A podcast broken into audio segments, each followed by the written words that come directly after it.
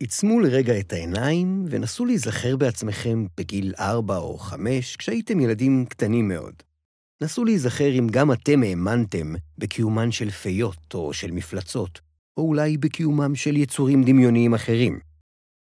באיזה גיל הפסקתם? באיזה גיל מצאתם מציאות שונה ממה שחשבתם? שש? שבע? אולי שמונה? זוכרים איך זה קרה? זוכרים אם היה רגע כזה? איך הרגשתם? נראה אם נצליח לחדש לכם משהו מעניין גם היום.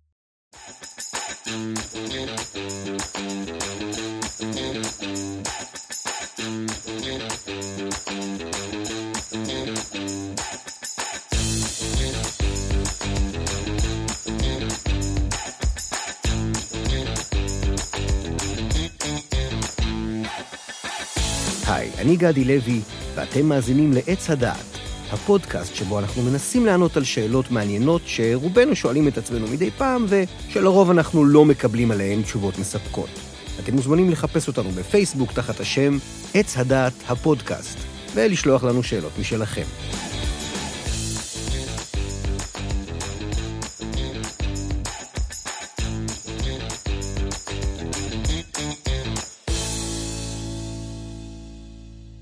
כולנו יודעים שהתורה היא ספר עתיק, שמחולק לחמישה חומשים שבהם כתובים סיפורים על היווצרות העם היהודי, וגם חוקים של הדת היהודית.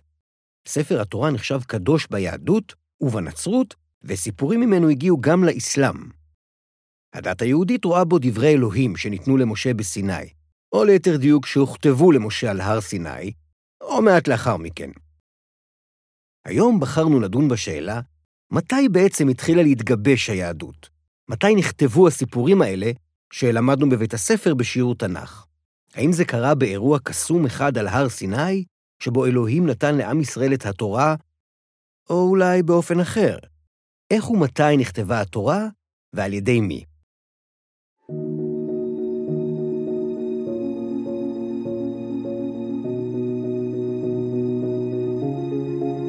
הרבה מאוד אנשים מאמינים שהיהדות התחילה כשאלוהים התגלה לאברהם, או כשנכדו של אברהם, יעקב, ברך את ילדיו, או לכל הפחות, כשעם ישראל יצא ממצרים וקיבל את התורה ממשה.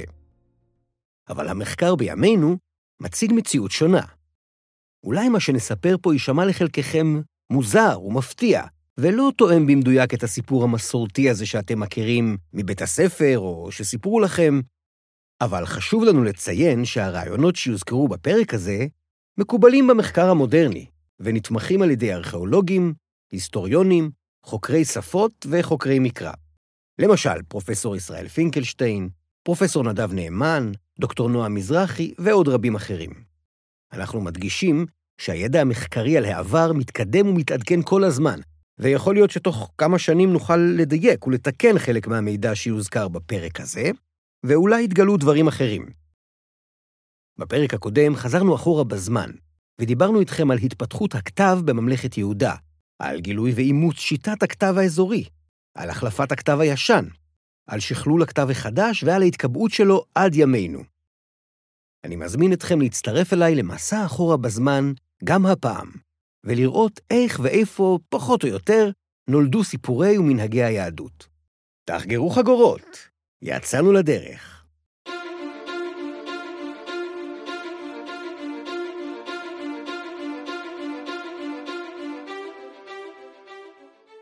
חזרנו שוב כ-2800 שנה אחורה בזמן, למזרח הקדום. אנחנו נמצאים בין נהר הירדן לים התיכון. אני רוצה להפנות את תשומת לבכם לשתי ממלכות שכנות, ישראל ויהודה. ישראל היא ממלכה גדולה, עירונית ומפוארת, ושכנתה יהודה היא ממלכה צעירה, קטנה, ולא מאוד מפותחת. יהודה וישראל הן שתי ממלכות שונות עם תרבויות שונות, אבל יש ביניהן דמיון. בשתיהן, האנשים מתפרנסים בעיקר מחקלאות, בשתיהן חוגגים בעיקר חגים חקלאיים, ובשתיהן מאמינים באותם האלים ומקריבים להם קורבנות. אלים כמו אשרה, בעל, אשתורת, ואולי עוד אלים אחרים. בממלכת ישראל התחילו בשלב כלשהו לסגוד לאל נוסף, אל חדש, שאותיות השם שלו הן י' ה' ו' ה'. קבוצת כהנים הקימה לאל הזה מקדש. הכהנים האלה מאמינים שאבותיהם הגיעו לישראל דרך המדבר מאזור רחוק, מארץ מצרים. סיפור יציאת מצרים הוא סיפור לא מאוד מפורסם בעת ההיא, שמסופר בעל פה על ידי קבוצה קטנה של ישראלים לגבי אבותיהם בלבד. שאר תושבי הממלכות ישראל ויהודה יודעים שאבותיהם נולדו וחיו באזור הממלכות שלהם ולא מכירים שום סיפור אחר. מה קורה בתקופה הזו ביהודה? כנראה כתוצאה מקשרים הדוקים מאוד בינה לבין ממלכת ישראל השכנה, גם ביהודה מתחילים לסגוד לי"ה ו"ה. תוך זמן קצר יחסית, הוא הופך לאל הראשי של יהודה. אבל העובדה הזו לא מפריעה לתושבי יהודה להמשיך לסגוד במקביל לאלים נוספים. יכול להיות שאפילו שמה של בירת יהודה, ירושלים, ירושלם, הוא עדות לסגידה קדומה לאל השקיעה שלם. אז מה יש לנו עד כה? הזכרנו שתי ממלכות, הגדולה ישראל, הקטנה יהודה. בשתיהן סוגדים למספר אלים, וגם לאל י"ה ו"ה. עד כמה שידוע לנו, בשתי הממלכות האלה לא מאוד מכירים את סיפור יציאת מצרים, שככל הנראה מסופר בעיקר על ידי קבוצה קטנה של כהנים. ספר התורה כמובן עדיין לא נכתב. המצאת הכתב רק מתחילה להגיע לממלכות האזור. אנחנו מתקדמים כמה עשרות שנים קדימה. ישראל משגשגת, הערים הישראליות גדלות, קשרי המסחר וקשרי החוץ של ישראל מתחזקים מאוד. יכולת הכתיבה בישראל כבר מפותחת. הסופרים הישראלים מתחילים להעלות על הכתב גרסאות מסוימות של סיפורים שונים שסופרו אצלם עד כה בעל פה.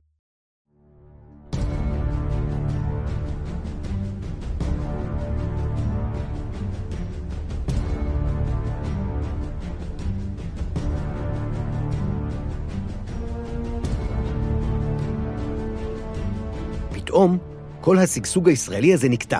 זה קורה בבת אחת כמעט. כובשים חזקים ונחושים מגיעים לאזור. צבא האימפריה האשורית נכנס לשטח של ממלכת ישראל, ותוך זמן קצר כובש ומחריב אותה לחלוטין. האשורים רוצחים ומגלים המונים, ומפזרים אותם ברחבי האימפריה העצומה שלהם. ממלכת ישראל מפסיקה להתקיים. פליטים שנותרו ממנה מפוזרים לארצות רחוקות, אבל יש גם פליטים מישראל שמצליחים להגיע ליהודה ולהתיישב בה. הפליטים הישראלים האלה מביאים איתם ליהודה ככל הנראה חלק מן הספרות הישראלית, ובה סיפורים מהתרבות המפוארת שלהם, כמו הסיפור על יעקב ועל עשיו, וסיפור יציאת מצרים. יהודה מחזיקה מעמד עוד זמן קצר, אבל חולפות כמה עשרות שנים, וגם היא נכבשת על ידי האשורים. יהודה מוחרבת בחלקה, ורבים מתושביה נרצחים או מוגלים.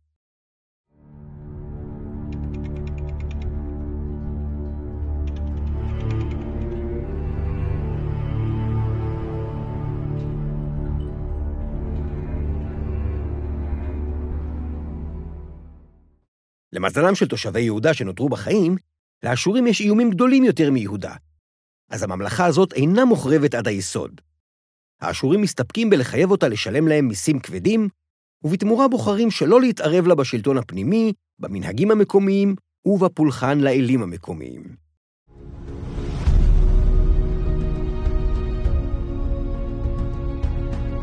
ככה נראים השלבים המוקדמים של הולדת היהדות.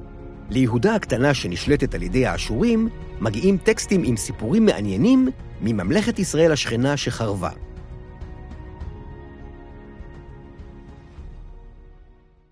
החורבן של ממלכה אחת יכול להיות הזדמנות פז עבור ממלכה אחרת. זה מה שקורה פה. עכשיו, כשממלכת ישראל איננה, שליטי ממלכת יהודה בוחרים במהלך מעניין. הם מנכסים לעצמם את התרבות ואת הסיפורים של ממלכת ישראל הגדולה והחשובה שנעלמה. איך? היהודאים מתחילים לכנות את עצמם ישראל, לשכתב את העבר שלהם וליצור סיפור משותף להם ולפליטים הישראלים. הסיפורים שהגיעו ליהודה מישראל, כמו סיפורי יעקב ועשיו וכמו סיפור יציאת מצרים, מאומצים ונערכים מחדש על ידי היהודאים, ונוספים להם גם סיפורים חדשים, כמו כתבי נביאים, סיפורים על מלכים שונים, וגם סיפור חדש על ממלכה קדומה מאוחדת, שכללה את שטחן של שתי הממלכות, יהודה וישראל, כשבירתה של הממלכה המאוחדת הזו היא ירושלים. ממלכת יהודה חולמת על עבר מפואר, שככל הנראה מעולם לא היה לה. בשנים האלה ביהודה נכתבים ומועתקים לא מעט סיפורים, אבל רוב התורה ושאר ספרי התנ"ך עדיין בכלל לא נכתבו. מה קורה בעשרות השנים הבאות? יהודה אמנם נשלטת על ידי האשורים ועדיין משלמת להם מס כבד, אבל מצליחה לקיים שלטון פנימי ואפילו לשגשג במידה מסוימת.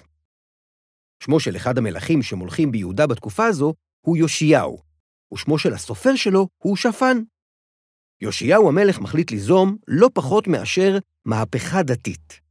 בבסיס המהפכה הזו עומד ספר אחד שנערך ומפורסם בערך באותה התקופה, או כמה שנים קודם לכן, ספר החוקים היהודאי הראשון. היום אנחנו מכירים אותו בשם ספר דברים. יש חוקרים שחושבים שמי שכתב את הספר הזה הוא שפן הסופר בעצמו. כך בעצם מתחילים להתגבש חוקי היהדות.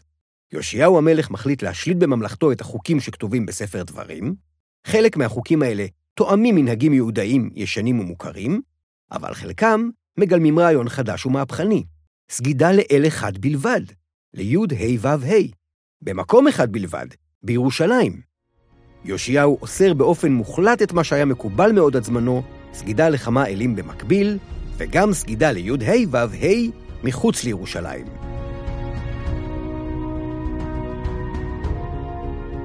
המסע שלנו כאן כמעט הגיע לסיומו. כפי שבוודאי הבנתם, על פי ממצאים, מתן תורה על הר סיני בזמן יציאת מצרים הוא אגדה יפה על אירוע שכנראה לא באמת קרה. סיפור יציאת מצרים הוא סיפור של קבוצה ישראלית שיהודה אימצה לעצמה. גם התורה, לפיכך, לא ניתנה למשה על הר סיני. רוב התכנים שבה התחילו להיכתב ביהודה, בזמן השלטון האשורי, הרבה אחרי חורבן ישראל. יש לי עוד חוב קטן אליכם. סיפרתי לכם מתי, פחות או יותר, נכתבו סיפור יציאת מצרים, חלק מסיפורי האבות וספר דברים, אבל לא סיפרתי מתי סיימו לערוך את שאר ספרי התורה. רוב הכתוב בספרי התורה ובכמה מספרי התנ"ך נערך כנראה מתישהו בסביבות המאה השישית לפני הספירה. אחרי שהבבלים כבשו את יהודה מידי האשורים, כשהסופרים היהודאים הועברו לשבת בבבל. הסופרים היהודאים ליקטו את כל הסיפורים מיהודה ומישראל, הם שזרו אותם זה בזה בסדר הכי הגיוני שהצליחו למצוא, והשתדלו כמעט לא לשנות שום טקסט. לסיכום, התורה אומנם לא ירדה מהשמיים, אבל יש בה סיפורים עתיקים ומעניינים, שכתבו אנשים שחיו ממש ממש מזמן. דרך הסיפורים האלה, אנחנו יכולים להתבונן אחורה בזמן, ולנסות להבין קצת יותר מה עניין והעסיק את האנשים שכתבו את הסיפורים האלה. אנחנו יכולים לבחון את העמדות המוסריות שלהם, ולהשוות אותן לשלנו. זכותו של כל אדם לבחור במה הוא מאמין. כאן הוצג לכם המידע מזווית המחקר בימינו.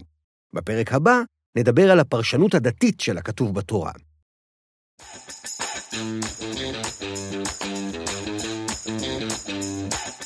זהו, זה היה הפרק הרביעי של עץ הדעת. אני גדי לוי. הפרק נכתב והופק על ידי יהודית זוהר. עורך הסאונד איתי אהרון. תודה לחוקר המקרא שחר ענבר על ההערות לדיוק המידע שבפרק. תודה שהאזנתם. נשמח לקבל מכם תגובות. מחכים שתכתבו לנו שאלות או מחשבות על הפרק הזה. מבטיחים להגיב לכולם. מוזמנים כמובן לפקפק בכל מה שאמרנו היום ולחקור בעצמכם. להתראות בינתיים, נשתמע בפרק הבא.